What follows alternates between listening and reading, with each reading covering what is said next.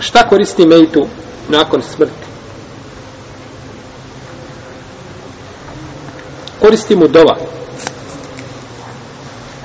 Voledhina jažao min badihim jakuluna rabbana i gafirlana li ikhwanina levina sabafuna bil iman. Vola tajal fi kulubina vilna liladhina aman. Rabbana innaka rufu rafim. Ili koji da zna ko njih govore Gospodar naš, oprosti nama i braći našoj, koji su nas pretekli u vjerovanju i nemoj učiniti u našim srcima nimalo zlobe prema onima koji vjeruju Gospodar naš, ti si zaista dobar i milost. I kako je rekao poslanik sallallahu kod muslima u hadisu da je doba čovjeka njegovom bratu prihvaćena ili primljena. Dozvoljeno je da se podmiri dug to je druga stvar.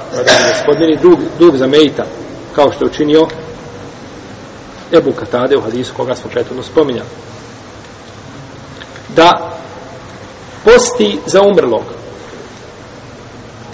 Kako je došlo u hadisu, Ajše da je poslanik sa rekao men mate u same anhu valiju. Ko preseli, a znači, ostalo je u njegovom zimetu ostao je post koga je trebao napostiti postići to za njega njegov nasljednik pa kaže neka olema da je ovo općenito vezano i za post Ramazana i za post zavjeta neki kažu da je samo za post zavjeta vjerojatno kada dođemo do pitanja posta da ćemo spominjati ovo pitanje opširnije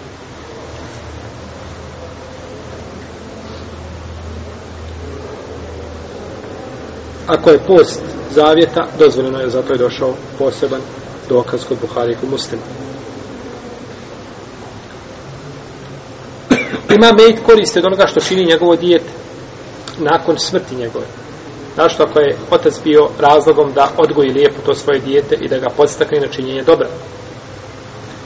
Kaže uzvišeni Allah te barake u ta'ala وَاَلْ لَيْسَ إِنْسَانِ إِلَّا مَا سَعَ وَنَسَعَهُ سَوْفَيُوا I čovjeku ne pripada osim ono što učini sobom. Ne učini sobom, no međutim došlo je u hadisu da je najbolje ono što čovjek pede od svojih ruku, a da je dijete od njegovih ruku. Pa sve što učini dijete, otac ima nagradu. Isto tako ima nagradu od onoga što ostavi od sadake krajine.